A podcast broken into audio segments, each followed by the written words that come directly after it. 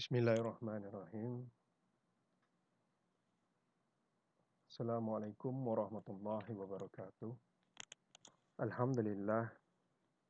الحمد لله الذي أرسل رسوله بالهدى ودين الحق ليظهره على دين كله وكفى بالله شهيدا. الحمد لله. الحمد لله رب العالمين. Ar-Rahim Malik Yawmiddin. Allahumma salli ala Muhammad wa ala alihi wa ashabihi wa ummatihi ajma'in ila yaumiddin amma ba'du.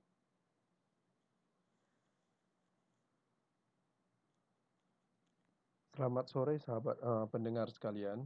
Uh, kita lanjutkan uh, untuk pembacaan tafsir Al-Azhar dari Hamka untuk uh, surat Yusuf pada ayat 23 sampai 29.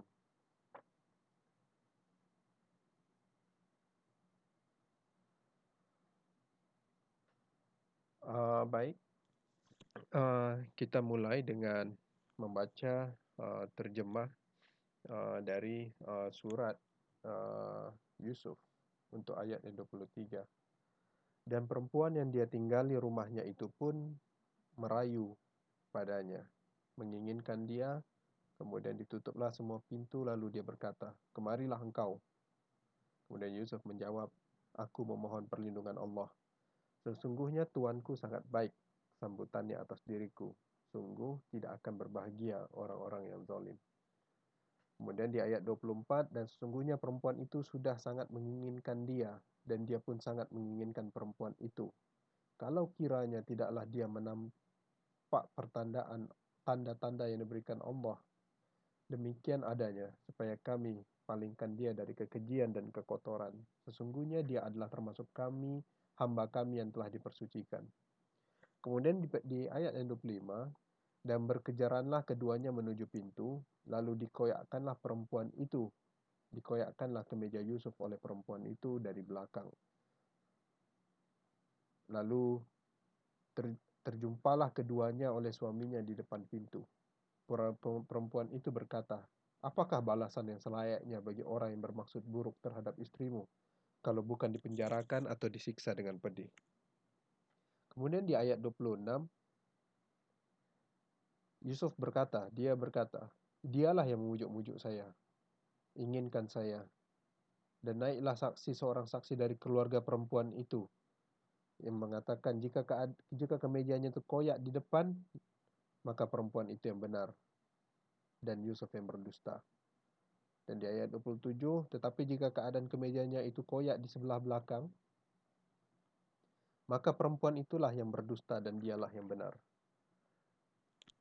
Kemudian untuk arti yang di uh, ayat 24, eh, 28, maka tatkala dilihatnya bahawa kemeja itu oleh uh, Aziz, Al-Aziz, koyak di sebelah belakang, berkatalah Al-Aziz, sesungguhnya ini adalah tipu daya kamu, hai perempuan. Sesungguhnya tipu daya kamu adalah besar. Kemudian di ayat 29, Yusuf, berpalinglah dari keadaan ini dan kau mohonlah ampun atas dosa engkau. Sesungguhnya kau adalah termasuk golongan orang yang salah. Kita mulai uh, pembahasan Hamka dalam uh, bab Yusuf dirayu perempuan cantik atau godaan dunia pada Yusuf. Kita bacakan sudah senang dan aman tentram Yusuf di dalam istana Raja Muda Mesir Al-Aziz. Tiga gelombang besar sekarang sedang mengambil pengaruh dalam dirinya sendiri. Dua gelombang baik dan bahagia, satu gelombang keruntuhan. Pendeknya, Yusuf bertemu jalan bersimpang sedangkan dia mulai dewasa. Gelombang yang pertama dan yang kekal adalah kehendak Allah bahwa dia kelak akan menjadi Nabi dan Rasulullah. Keinginan dan cita-cita tuan pengasuhnya ialah mengangkatnya jadi anak dan mendidiknya sehingga kelak kemudian hari pun dia akan menjadi orang besar di kerajaan. Sebagaimana yang telah ditempuh oleh bapa angkatnya. Tetapi di samping kedua yang baik itu datang satu gelombang lagi, yaitu istri raja muda yang dianggap menjadi ibu angkatnya jatuh hati kepadanya, jatuh cinta. Istri raja muda melihat perkembangan anak yang tangkas ini sejak usianya 12 tahun sampai dia dewasa Bertambah lama badan bertambah berkembang, bertambah tampan, bertambah pula menimbulkan nafsu bila melihat diri anak yang telah mulai remaja itu. Ada dua tiga kata tentang umur dewasa Yusuf. Menurut riwayat dari Ibnu Abbas dan Mujahid dan dan Qatadah, usia dewasa Yusuf adalah 33 tahun. Riwayat yang lain dari Ibnu Abbas, 30 tahun lebih sedikit. Sedangkan Ad-Dahak mengatakan sekitar umur 20 tahun dan Al-Hasan mengatakan 40 tahun. Sedangkan sahabat yang lain mengatakan Said bin Jubair mengatakan sekitar 18 tahun. Setelah majunya penyelidikan ilmu jiwa dan biologi modern, kita lebih cenderung menguatkan salah satu dari dua kemungkinan dari hal dewasa Yusuf adalah 20 tahun menurut Ad-Dahak ataupun 18 tahun menurut Said bin Jubair. Karena dalam masa itulah hormon-hormon mulai tumbuh dengan suburnya dan kelelakian menonjol yang boleh saja menimbulkan uh, syahwat bagi perempuan yang melihatnya. Bahkan kadang-kadang juga sesama lelaki boleh tertarik kepada orang di antara 18 dan umur 20 tahun. Maka bertambah sehari bertambah tertariklah istri Raja Muda kepadanya. Apalah kalau benar apa yang ditulis dalam kitab perjanjian lama bahwa Raja Muda itu adalah seorang yang mandul. Atau kalaupun tidak mandul, dia seorang yang telah mundur syahwatnya sehingga menjadi inin atau mati pucuk. Mungkin istri Raja Muda tidak merasakan uh, kesenangan dengan suaminya. Lama-kelamaan dia menjadi lebih tergila-gila kepada Yusuf, sedangkan Yusuf selalu dilihatnya. Kadang-kadang suaminya tidak di rumah, sedangkan Yusuf ada di rumah. Dan meskipun suaminya telah menganggap Yusuf sebagai anak angkat, namun istrinya masih merasa dirinya dapat berkata keras kepada Yusuf sebagai layaknya terhadap hamba sahaya. Tentu sudah lama istri Raja Muda menaruh hati kepada pemuda yang tangkas itu. Anggun dan tampan, muda, remaja, sifat dan bentuk tubuh lelaki perkasa sedang tumbuh bermekaran. Rupanya istri Raja Muda tak dapat lagi menahan dirinya, maka berfirmanlah Allah mengisahkan kejadian itu. Dan perempuan yang dia tinggali rumahnya itu pun merayu merayu kepadanya menginginkan dia di awal ayat 23 Mem memang perempuan yang telah berpengalaman sangat payah mengendalikan dirinya bila melihat anak muda yang belum mengerti apa-apa itu bila seorang perempuan telah merayu sedangkan orang lain tidak ada dalam rumah dapatlah kita mengerti bagaimana cara rayuan itu mungkin dibukanya bahagian-bahagian dirinya menimbulkan syahwat lelaki karena tidak juga mendapat sambutan dia pun berkata hai talak kemarilah engkau. Namun Yusuf tetap bertahan. Panggilan itu tidak dikabulkannya. Malahan dia berkata, Aku memohon perlindungan Allah. Menghadapi keadaan yang demikian, insaflah Yusuf atas kelemahan dirinya. Sebab itu dia ingat kepada Allah dan dia memperlindungkan dirinya kepada Allah. Dan katanya pula, Sesungguhnya, Tuanku Al-Aziz sangat baik sambutannya atas diriku. Yang dimaksud oleh Yusuf dengan tuanku di sini adalah raja muda yang telah membelinya dan menyambut dia dengan baik. Bahkan memerintahkan istrinya supaya menyambutnya dengan baik dan menganggap menganggapnya sebagai anak. Dalam ayat ditulis innahu rabbi yang arti tepatnya menurut Hamka ialah dia adalah Tuhanku. Karena di dalam pemakaian bahasa uh, induk semang atau majikan atau raja selalu disebutkan rabbi yang berarti Tuhanku. Karena pemakaian bahasa inilah maka Fir'aun terperosok menahat, merasakan dirinya benar-benar telah menjadi Rabbi, menjadi Allah. Dan kata selanjutnya disebutkan dalam ayat 23 itu, sungguh tidaklah akan berbahagia orang-orang yang zalim. Maka dapatlah kita simpulkan maksud perkataan Yusuf, yaitu bahwasanya dia berlindung kepada Allah. Dan janganlah dia roboh karena godaan ini. Tidaklah layak dia yang disambut, kemudian dimuliakan sebagai anak kandung, bukan Uh, diperlakukan sebagai hamba sahaya oleh tuan yang membelinya kemudian akan berlaku khianat kepada istrinya selama dia tinggal di dalam istana itu yang juga ibu telah dianggapnya sebagai ibu angkatnya pula dan kalau diperturutkannya rayuan perempuan itu maka zalimlah dia beraniayalah dia menempuh jalan yang salah yang tidak wajar dan tidak patut. Segala perbuatan yang berada di luar garis pikiran sihat dinamakan zalim. Begitu menurut Hamka yang kadang berarti beraniaya dan kadang-kadang berarti juga menempuh jalan yang gelap. Maka kalau sekali saya telah berbuat zalim berzina dengan istri pengasuh pendidik sendiri berarti berarti saya telah menempuh jalan gelap buat hari depan sama sekali Karena yang berbusuk pasti berbau dan harga diri tidak ada lagi. Begitu menurut Hamka. Kemudian di awal ayat 24 disebutkan dan sesungguhnya perempuan itu sudah sangat menginginkannya dan dia pun sangat menginginkan perempuan itu kalau kiranya tidak ternampak tanda-tanda Allah olehnya.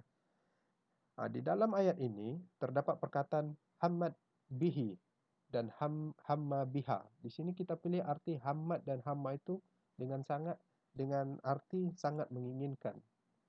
Ibnu Kasir meng, meng, menghikayatkan dalam tafsirnya bahwa Al-Baghawi berpendapat demikian. Al-maradu bihammi biha. Khadaratu hadisi nafsi. Yang dimaksud dengan hamma biha ialah gelora kata-kata nafsu. Oleh sebab itu, menurut tafsir ini sudah sama tumbuh keinginan di kedua belah pihak, baik si perempuan terhadap Yusuf maupun dari Yusuf terhadap perempuan itu. Kalau disebut secara tegas lagi bahwa keduanya sudah bersama-sama bersyahwat, tegasnya lagi Yusuf sendiri pun sudah timbul keinginan kepada perempuan itu. Tetapi beberapa penafsir di antaranya Ibnu Hazm Al-Andalusi di dalam kitabnya Al-Fishal, di dalam membela masyhumnya nabi-nabi dari dosa, memberikan arti hamma dengan hamad dengan dendam ingin memukul. Artinya karena kehendak syahwat perempuan itu tidak juga diperlakukan oleh Yusuf, maka dia pun menjadi marah, menjadi pitam, tersinggung kehormatan dirinya karena dia merasa berkuasa. Lalu dikejarnya lah Yusuf hendak dipukulnya dan Yusuf pun menjadi marah juga. Sebab itu dia pun hendak memukulnya pula. Syed Rashid Rida di dalam tafsirnya Al-Manar pun menguatkan pendapat Ibnu Hazm dan penafsir-penafsir yang lain itu. Mereka mengemukakan alasan karena di dalam Al-Quran sendiri terdapat beberapa kalimat hamma dengan arti hendak memukul atau hendak menganiaya atau bermaksud jahat. Ini dapat dilihat di surat Al-Maidah ayat 11, surat Ali Imran ayat 122, surat An-Nisa ayat 113, surat At-Taubah ayat 13 dan ayat 73 dan pada surat Al-Imran ayat 154. Ahamat ahamatum anfusahum diartikan mementingkan diri sendiri. Maka kemudian Al-Baghawi menguatkan pendapat bahwa arti hamma biha di sini ialah gelora yang berkecamuk dalam jiwa tetapi belum dilaksanakan dalam kenyataan. Dan Al-Baghawi membela paham, fahamnya bahwa memang Yusuflah ada gelora perasaan terhadap istri raja muda yang cantik itu yang bernama Zulaiha tapi gelora yang berkecamuk dalam hatinya itu dapat ditahankan. Dapat ditahannya sebab dia melihat tanda-tanda Tuhan. Tanda-tanda yang diberikan oleh Tuhannya. Dan di dalam diri sendiri terjadi peperangan hebat di antara nafsu sawat yang bergelora dan seruan fitrah. Seruan jiwa yang yang bersih karena didikan yang diterima dari kecil. Atau tegasnya lagi karena dipelihara oleh Allah hingga Yusuf selamat. Banyak juga ahli tafsir mengatakan bahwa sebagai seorang nabi, Yusuf masyhum.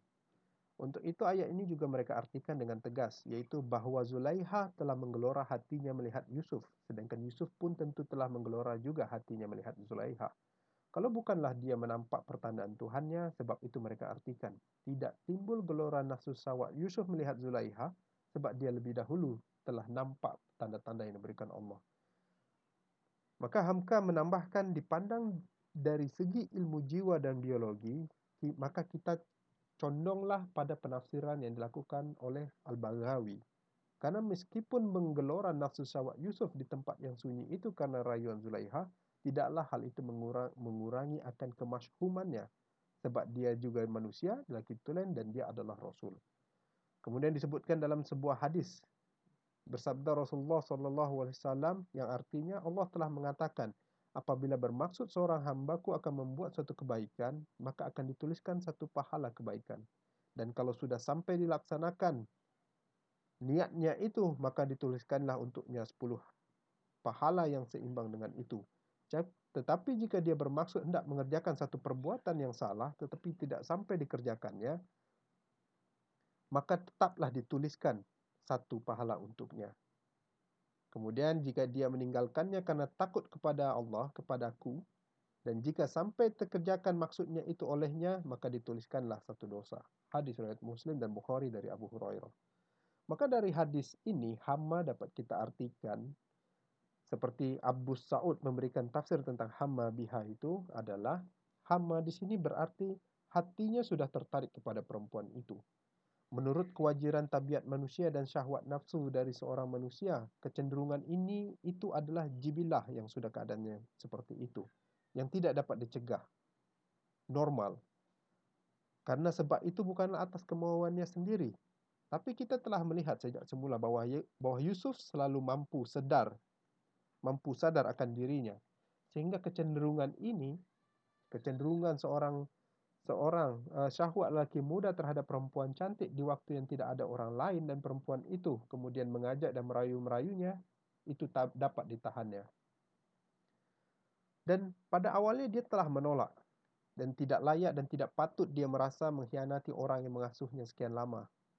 Dan dengan tegas dia mengatakan bahwa orang yang zalim tidaklah akan berbahagia atau berjaya. Tidak akanlah selamat sampai ke akhir. Mengkhianati induk semang penghulu, pemimpin yang menganggapnya menjadi anak dan mendidiknya adalah satu kezaliman yang luar biasa. Di sinilah kita bisa melihat bagaimana cara berfikir Yusuf. Ini saja sudah dapat membuktikan bahwa dia dapat mengendalikan diri. Sekian, kita salin secara bebas tafsiran dari Abu Su'ud. Kemudian Hamka menuliskan, kalau kita ketahui ilmu jiwa modern, modern dan biologi, kita ketahui pula keadaan kesehatan fisik dan mental dari seorang lelaki tidaklah dapat kita menafsirkan bahawa hamma biha dari Yusuf terhadap Zulaikha itu ialah hendak membunuh Zulaiha dan tidaklah pula kerana ketafsirannya kalau kita katakan bahawa tidak tertariknya Yusuf melihat Zulaiha sebab dia pun lelaki tulen anak muda yang baru tumbuh. Dia bukan dia bukan pula seorang bodoh yang tidak mengerti perempuan. Yang perlu kita perhatikan di sini ialah kehebatannya Nabi Yusuf. Karena apa? Karena dia dapat menahan syahwatnya. Karena dia nampak tanda-tanda yang diberikan oleh Allah. Tentang nampaknya pertandaan Allah ini, berbagai pula lah tafsir yang berasal dari dongeng yang membuat orang bosan yang berperasaan halus ada tafsir yang mengatakan bahawa Yusuf telah duduk di antara uh, dua paha perempuan itu tapi kemudian tampak olehnya terbayang rupa ayahnya Nabi Yakub di dinding rumahnya. Kemudian dia segera berdiri. Ini adalah dongeng yang mengotori tafsir Quran sebab tidak ada sumbernya yang dapat dipertanggungjawabkan. Kemudian kita akan bahas apakah pertanda pertanda Allah yang dilihat oleh Nabi Yusuf itu biasa saja. Bukankah dia seorang nabi? Bukankah dari kecil ayahnya ayahnya Nabi Yakub, anak dari Nabi Ishak dan cucu dari Nabi Ibrahim telah menanamkan dalam jiwanya perasaan takut kepada Allah. Maka pertanda tan, maka tanda-tanda Allah itulah adalah sedia ada dalam jiwanya sejak dia masih masih kecil.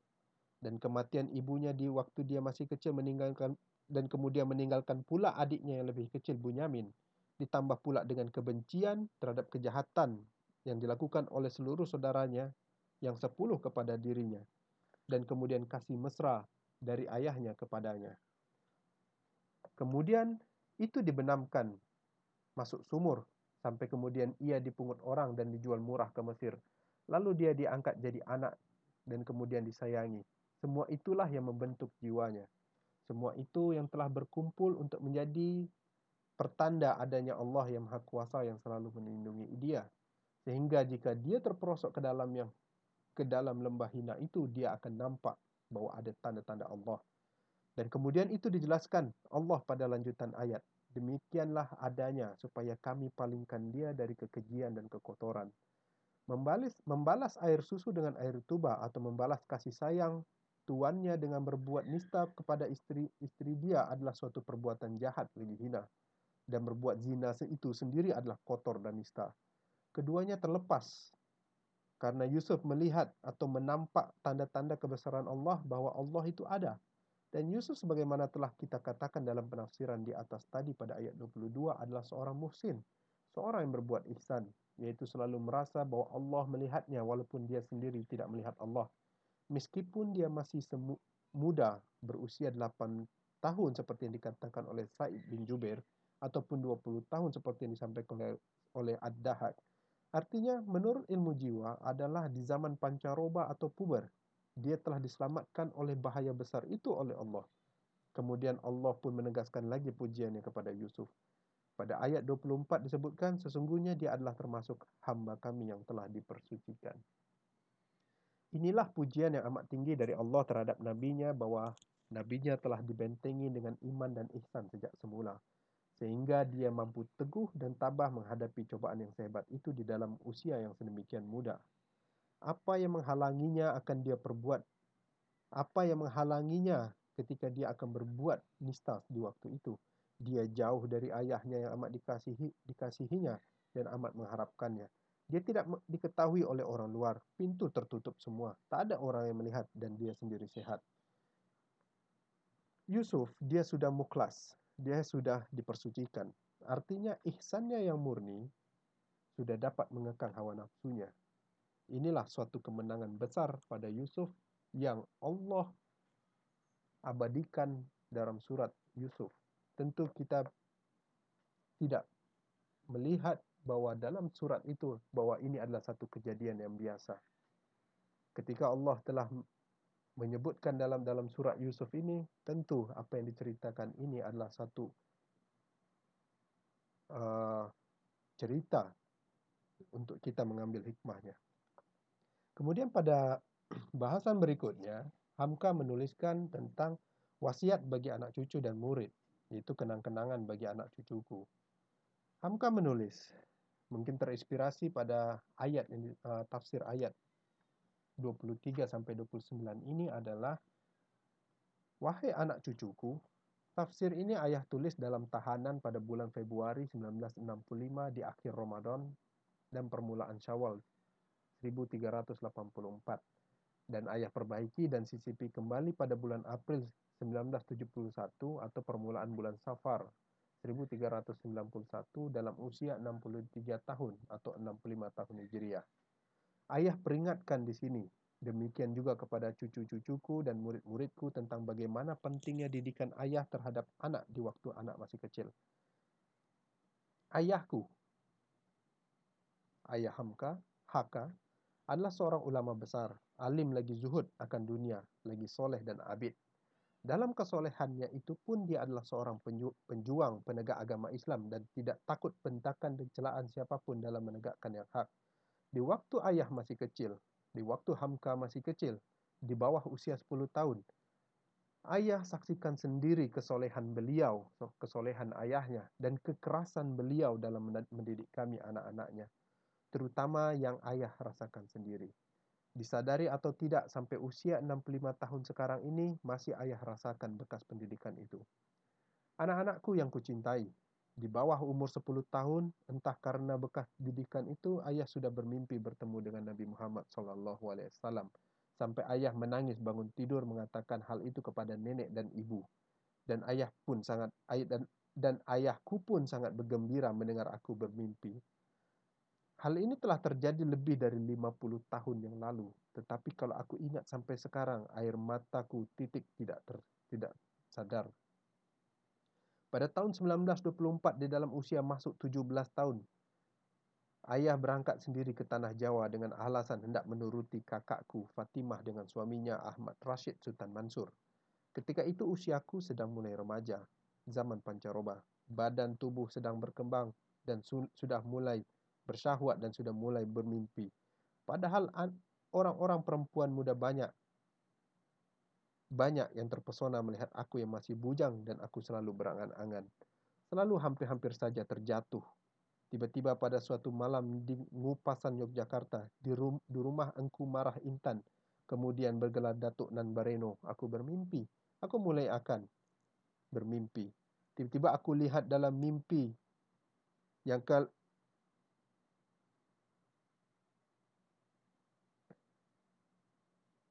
Tiba-tiba aku bermimpi dewasa dan aku pun tersentak bangun. Maka tahu sajalah aku akan tafsir mimpinya. Kemudian pada saat aku bermimpi dengan Rasulullah di waktu masa kecil, belum balik, mengesan jauh sekali sampai sekarang ini ke dalam jiwaku. Sampai sekarang ini sudah lebih 50 tahun berlalu, masih saja terang dalam ingat ingatanku pakaian yang beliau pakai jubah warna biru serupa dengan warna jubah ayahku. Sehingga setelah aku kembali dari Mekah pada tahun 1928, aku minta dihadiahi oleh ayahku jubah beliau sendiri yang berwarna sebagai warna yang dipakai Nabi SAW itu dan aku simpan sampai sekarang ini. Walaupun jubah itu telah lusuh sebab sudah lebih tua daripada umurku. Di waktu aku kecil, terkenalah aku ini nakal dan lasak, lincah tangan. Ketika aku berusia 8 tahun dimasukkan ke sekolah desa di bawah lancas padang panjang karena karena nakalku aku naik ke atas saluran air yang melintasi jalan kereta api di dekat jalan Bancas Lawas itu dan karena lasak tanganku hendak aku pegang kawat telefon yang boleh dipegang dengan tangan di atas saluran air air itu. Tapi heran, Ketika tanganku mulai akan memegang kawat itu, aku merasakan dengan nyata sekali ada tangan lain yang menarik tanganku. Padahal orang yang tidak kelihatan. Dan aku pun segera meninggalkan tempat yang berbahaya itu. Dari segala pengalaman ini dan banyak lagi pengalaman-pengalaman yang lain, bertambah teguhlah kepercayaanku. Tidak boleh dinafikan lagi bahwa kita dipelihara oleh Allah. Bahwa saya dipelihara oleh Allah dari bahaya. Dan pengalaman ini pula menambah pula iman dan kepercayaanku. Sedangkan kita hanya orang biasa yang bukan nabi ataupun rasul, hanya manusia biasa saja dalam peliharaan Allah, apalagi seorang nabi dan rasul. Tidak akan celaka kalau tidak dengan izinnya dan tidak diberi penjagaan oleh Allah. Kadang-kadang ditarik oleh tangan halus dan kadang-kadang dengan mimpi sebagaimana mimpi ayah waktu itu. Apalah lagi Nabi Allah Rasulullah yang telah akan diberi tugas berat menyampaikan wahyu ilahi kepada manusia. Kemudian kita teruskan tafsir ayat selanjutnya. Yaitu pada pangkal ayat 25 dan berkerjaranlah keduanya menuju pintu. Yang artinya keduanya sama-sama berlari menuju pintu. Dapatlah kita bayangkan pada waktu itu Yusuf berlari menuju pintu karena hendak segera keluar dari dalam rumah. Yang sekalian pintu atau jendela-jendelanya telah ditutup dahulu oleh perempuan-perempuan itu. Sebagai disebut di ayat 23 di atas. Dan perempuan itu rupanya tidak dapat lagi mengendalikan syahwatnya. Dia berlari pula menuju pintu hendak menghambat. Menghambat tangan jangan sampai Yusuf membuka pintu dan lari keluar. Lalu dikoyakkanlah perempuan itu ke meja Yusuf dari belakang. Artinya ditarik ke meja Yusuf dari belakang supaya supaya jangan lari, supaya dapat diperkenan kehendaknya. Namun pada akhirnya Yusuf lari juga sampai ke mejanya koyak. Lalu ber, berjumpalah, terseroboklah keduanya dengan suaminya di muka pintu. Seakan-akan terbayang di mata kita kejadian itu ketika Yusuf telah berlari menghampiri pintu hendak keluar. Ketika perempuan itu juga mengejarnya dengan berlari, kemudian menarik kemejanya sampai robek, dan tidak disangka-sangka pintu pun dibuka. Suaminya Al-Aziz masuk. Dan dilihatlah mata oleh mata kedua mata uh, dia sendiri hal yang tidak mengenakkan perasaan. Tetapi perempuan itu cerdik sekali. Perbuatannya kedapatan didapati oleh suaminya adalah satu pengkhianatan yang besar. Tapi secepat kilat dia telah mendapat akal untuk membersihkan diri, melakukan pembelaan diri.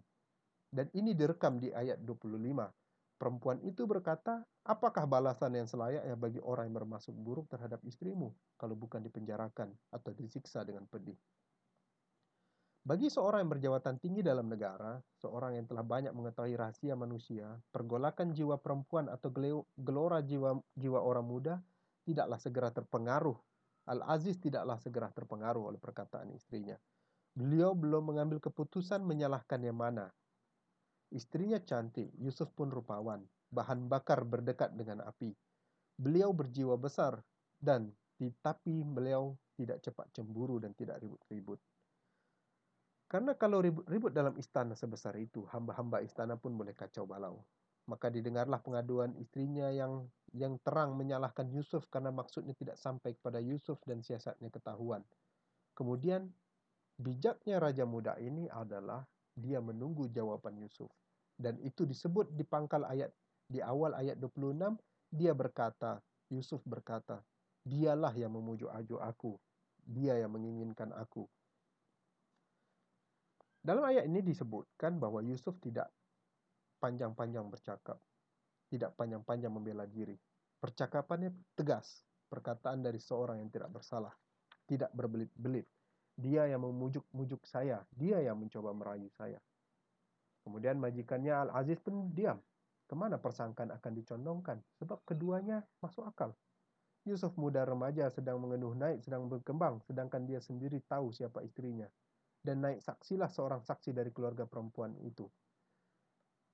Dalam hal ini, ayat Al-Quran tidak menjelaskan secara terperinci dari mana timbul dan datangnya saksi itu. Kemudian saksi itu berkata, jika keadaan kemeja itu koyak di, di, di depan, maka perempuan itulah yang benar. Dan Yusuflah yang berdusta. Seperti disebut di ayat 26. Jika kemeja robek sebelah hadapan, sebelah depan, sebelah ke depan, sebelah ke muka, maka benarlah perempuan itu. Sebab artinya Yusuf yang hendak memaksa perempuan itu ataupun bermaksud buruk kepada istri tuannya. Sedangkan dakwah Yusuf sedangkan sedangkan pembelaan perempuan itu mempertahankan diri karena kerasnya menolak Yusuf. Kemudian robek bajunya. Dalam keadaan demikian, robek baju mesti di sebelah depan. Kalau demikian keadaannya, benarlah perempuan itu dengan tuduhannya. Dan berdustalah Yusuf mengatakan bahwa perempuan itulah yang mengunjuk merayunya. Takkan tetapi sebaliknya, dalam ayat 27, 27 disebutkan, tetapi jika keadaan sebaliknya, saksi itu pun memberikan uh, hujah yang lain, persaksian yang lain, pendapat yang lain yang di, di, diabadikan di ayat 27. Tetapi jika keadaan kemejanya itu koyak di sebelah belakang, maka perempuan itulah yang berdusta dan dialah yang benar. Sebab koyak di sebelah belakang, berarti kemeja itu ditarik dari belakang oleh perempuan itu karena Yusuf yang tidak mau dengan demikian, benarlah Yusuf bahwa dialah yang dirayu, bukan dia yang bukan dia yang yang berbuat buruk kepada istri majikannya. Maka disebutkan kesimpulan dari uh, interogasi ini pada awal ayat 28. Maka setelah dilihatnya bahwa maka setelah dilihatnya bahwa kemeja itu koyak di sebelah belakang. Artinya, setelah Raja Muda ini, setelah Al-Aziz, setelah majikan dan ayah angkat Yusuf serta suami dari Zulaiha, kemudian menginterogasi dan melihat bukti bahwa kemeja itu robek dari belakang, bukan dari depan. Dan dan dan kira-kira perkiraan yang diberikan oleh saksi itu pun dapat diterima oleh pikiran beliau. Kemudian dia berkata, sesungguhnya ini adalah tipu daya kamu, hai perempuan. Dengan demikianlah jelaslah siapa yang beliau salahkan. Yang beliau salahkan ialah istrinya sendiri, Zulaiha. Tetapi dalam perkataan beliau itu nampak sekali penaksiran dari seorang yang telah banyak pengalaman dengan perempuan. Beliau katakan bahwa ini adalah termasuk salah satu tipu daya kamu, hai sekalian perempuan. Jadi bukan diletakkannya kesalahan semata-mata kepada istrinya. Malahan beliau beliau katakan bahwa tipu daya cerdik itu adalah sudah lumrah bagi kaum perempuan, jarang yang tidak. Lalu beliau berkata selanjutnya pada ayat 28, sesungguhnya tipu daya kamu adalah besar. Maka di hujung kata ini beliau telah mengungkapkan sesuatu dalam kehidupan ini. Kaum perempuan disebut sebagai jenis yang lemah. Namun apabila dia telah mengatur siasat, siasatnya itu besar atau hebat. Atau mengagumkan. Karena cerdiknya, karena pintarnya sehingga seorang lelaki harus bergeleng-geleng kepala. Lelaki boleh jadi kagum karena yang tidak terus diangat karena karena benda yang karena apa pikiran yang tidak terus dapat dibayangkan oleh orang lain tapi bagi perempuan ada saja selalu tempat keluar dari segala kesulitan. Padahal dia yang salah, dalam sekelip mata pintu terbuka, patutnya dia hilang akal. Tetapi pada saat itu juga dia dapat mengatur kata, menimpakan kesalahan kepada Yusuf. Untung ada saksi mempertahankan kebenaran Yusuf dan menyalahkan Zulaiha. Kemudian beliau berkata selanjutnya, yang direkam di awal ayat 29. Yusuf, berpalinglah dari keadaan ini. Yang artinya, di sini berjiwa besarlah wah, engkau wahai Yusuf. Ini adalah tipu daya. Engkau harus maklum. Kalau se, kalau sekarang dapat kita ungkapkan dengan kata-kata yang yang dengan kata-kata kita sekarang anggap aja ini sudah habis. Kemudian berhati-hatilah buat selanjutnya. Jangan diungkit-ungkit dan tutup erat mulutmu. Dan kepada istrinya Al-Aziz pun berkata, "Dan engkau istriku." Dan disebut di ayat 29, "Mohonlah ampun atas dosa engkau ini." Sesungguhnya engkau adalah termasuk golongan orang-orang yang salah. Dengan demikian, yang dikatakan dengan tenang tetapi tegas, beliau telah menyatakan keputusannya bahwa yang salah adalah istrinya. Beliau rupanya kuat mena kuat menanggung, menahan perasaan sebagai seorang yang bijaksana. Beliau tidak ribut-ribut mengatakan kepada istrinya bahwa memang dialah yang salah. Lalu disuruhlah meminta taubat sendiri kepada Allah. Setelah lebih dahulu dia berpesan kepada Yusuf supaya rahasia ini ditutup mati saja. Anggap tidak pernah terjadi dan buat selanjutnya supaya sama hati-hati semuanya. Beberapa faedah yang yang kita dapat dari cerita ini adalah Ketika mengkaji tafsir surat Yusuf ini dengan guru dengan ayah kami, Haka, Dr. Syekh Abdul Karim Amrullah, beliau pernah memberi nasihat kepada kami supaya hati-hati menjaga diri dan tipu daya dan siasat licik kaum perempuan. Beliau perbandingkan di antara dua ayat. Pertama, hujung dari ayat 76 di dalam surat An-Nisa yang berbunyi, Inna kaidas saitani kana do'ifah. Do'ifan. Sesungguhnya tipu daya syaitan itu adalah lemah.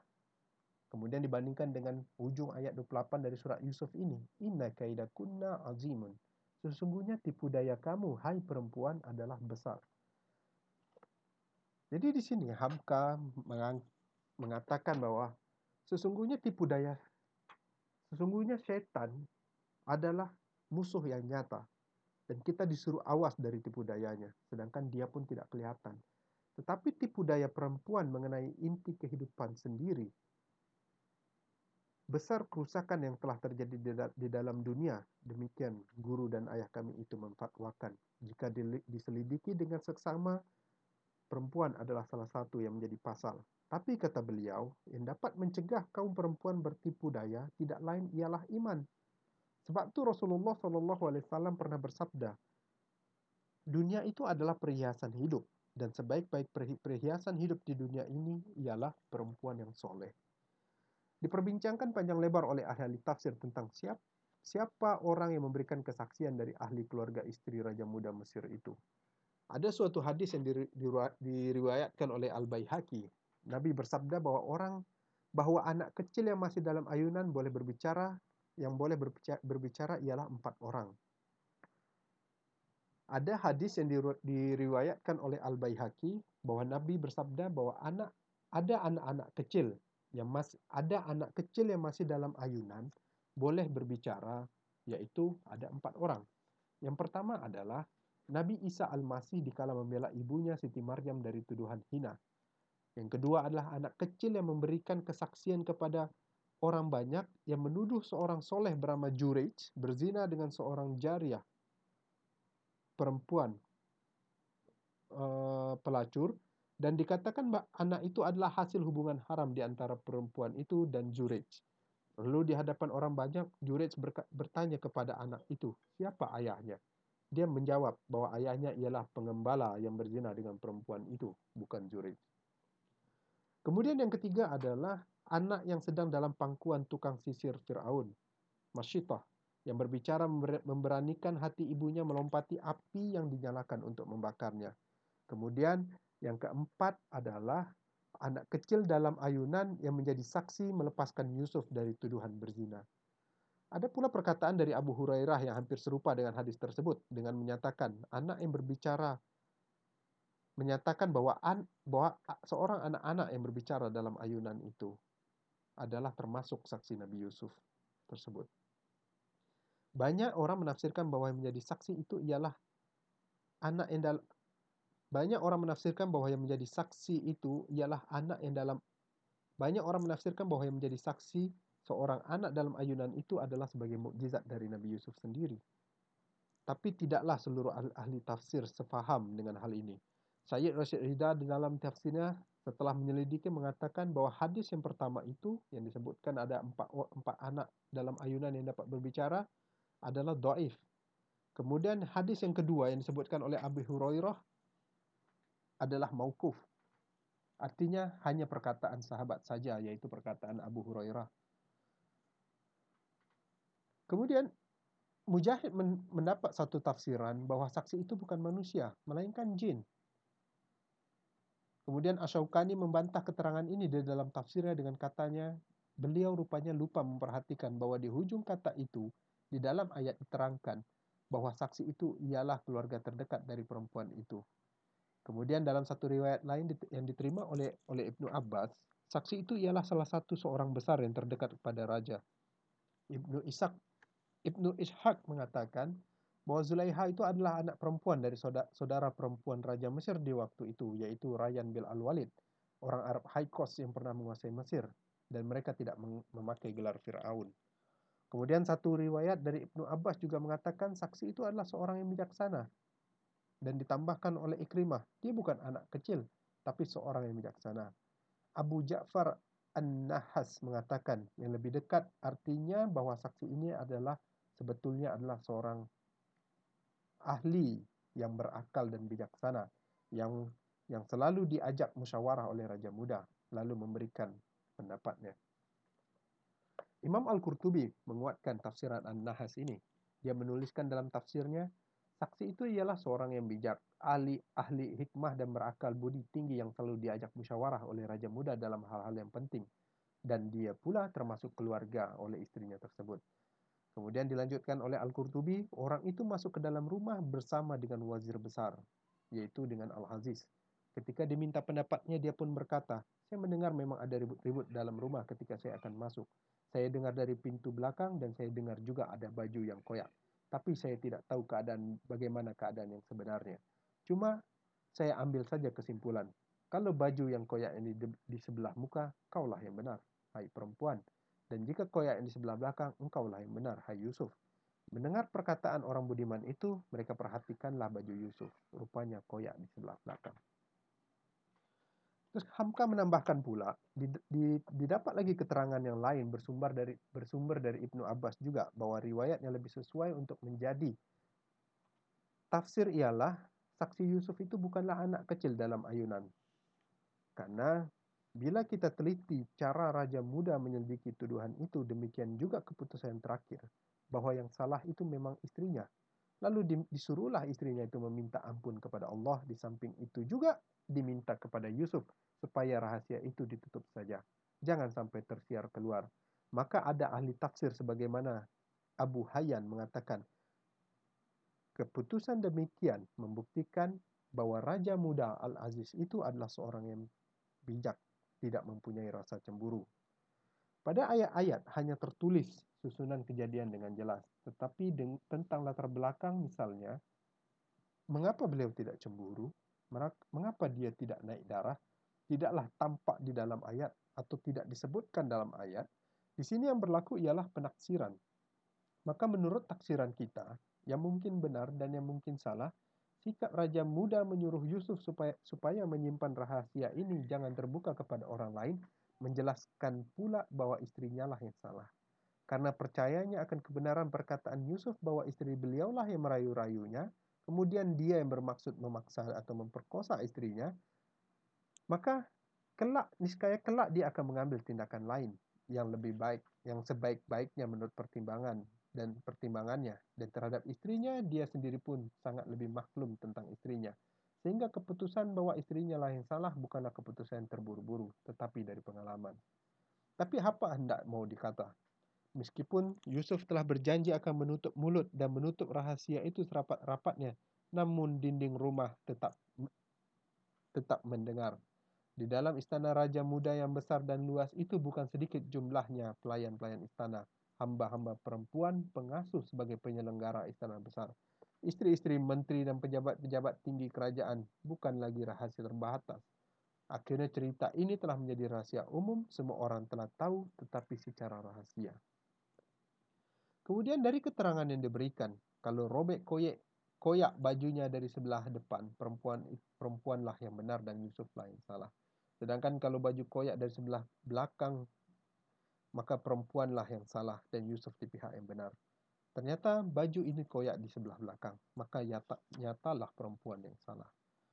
Dari kesaksian mengemukakan bukti seperti ini, dapatlah kita mengerti betapa pentingnya Ha, ini termasuk ibroh yang yang ditekankan oleh Hamka bahwa betapa pentingnya mengadakan penyelidikan, penyelidikan dan penyelidikan terhadap orang yang tertuduh membuat suatu kesalahan.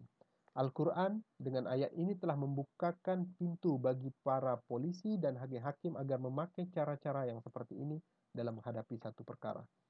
Lantaran itu, kemajuan yang dicapai oleh polisi seluruh dunia sekarang ini misalnya dalam mengumpulkan cap jari, mengumpulkan tanda bukti dari satu kesalahan, mempelajari perbedaan tulisan seseorang dengan yang lain, karena tidak ada dua orang yang tulisannya serupa, mempelajari peletakan tanda tangan dan lain-lain adalah kemajuan yang sedang dicapai. Dan pada saat ini, itu akan bertambah maju lagi. Dan nyatalah bahwa kemajuan dalam bidang ini adalah kepunyaan seluruh manusia sebagai tanda kecerdasan berfikir dan berhitung. Di dalam kitab fikih kita dapati juga soal-soal seperti ini, misalnya keterangan Ibnu Imam Malik tentang pencuri. Apabila engkau dapat menangkap pencuri yang siang di tangannya ada barang curian, lalu datang suatu kaum mendakwakan bahwa barang yang di tangan pencuri itu ialah mereka yang punya, padahal dia tidak dapat mengemukakan dalil-dalil atau bukti-bukti bahwa barang itu adalah mereka yang punya, maka hendaklah dia dihadapkan kepada penguasa. Biarlah beliau, penguasa ini yang berhak menyelidiki dan memutuskan kepada siapa barang itu mesti diserahkan barulah diserahkan kepada pendakwa pertama tadi kalau tidak ada lain, tidak ada yang lain yang datang menuntut. Imam Muhammad, sahabat Abu Hanifah, pernah pula mengeluarkan fatwa keputusan tentang dua istri yang bercerai, lalu ter terjadi perselisihan pembagian harta benda. Beliau berfatwa, segala barang yang bersifat pakaian lelaki itu adalah kepunyaan lelaki. Segala Segala barang yang bersifat pakaian perempuan itu adalah kepunyaan yang perempuan. Segala barang yang sesuai dipakai lelaki dan sesuai juga dipakai perempuan, maka itu ditentukan buat yang lelaki. Misalnya senjata api, pistol, meja tulis yang ditentukan buat lelaki. Mesin jahit, periuk sendok, piring mangkuk ditentukan buat yang perempuan. Mesin tulis yang berdua boleh memakainya ditentukan untuk yang lelaki. Qadi Shuraish dan Iyas bin Muawiyah yang kedua yang berpangkat kadi atau hakim banyak sekali memakai pembuktian-pembuktian seperti itu yang disebutkan di atas. Uh, demikianlah uh, tafsir Al-Azhar untuk ayat 23 sampai 29. Insyaallah kita akan uh, lanjutkan di kesempatan yang berikutnya. Uh, mudah-mudahan Allah memberikan kita uh, keluangan waktu untuk uh, kesempatan yang berikutnya. Uh, saya dari uh, penyampai mengucapkan uh, kurang lebihnya mohon maaf. Uh, kita tutup dengan doa penutup majlis. Subhanakallahumma wa bihamdika asyhadu an la ilaha illa anta astaghfiruka wa atubu ilaik. Semoga ini berfaedah untuk yang mendengarkan. Assalamualaikum warahmatullahi wabarakatuh